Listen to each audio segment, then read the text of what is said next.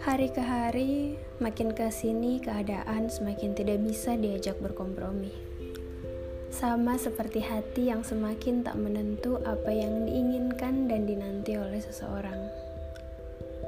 Sebelum mengakhiri hari, biasanya setiap orang memiliki pertanyaan yang berputar-putar di pikirannya. Dan setiap orang punya pertanyaan yang berbeda-beda.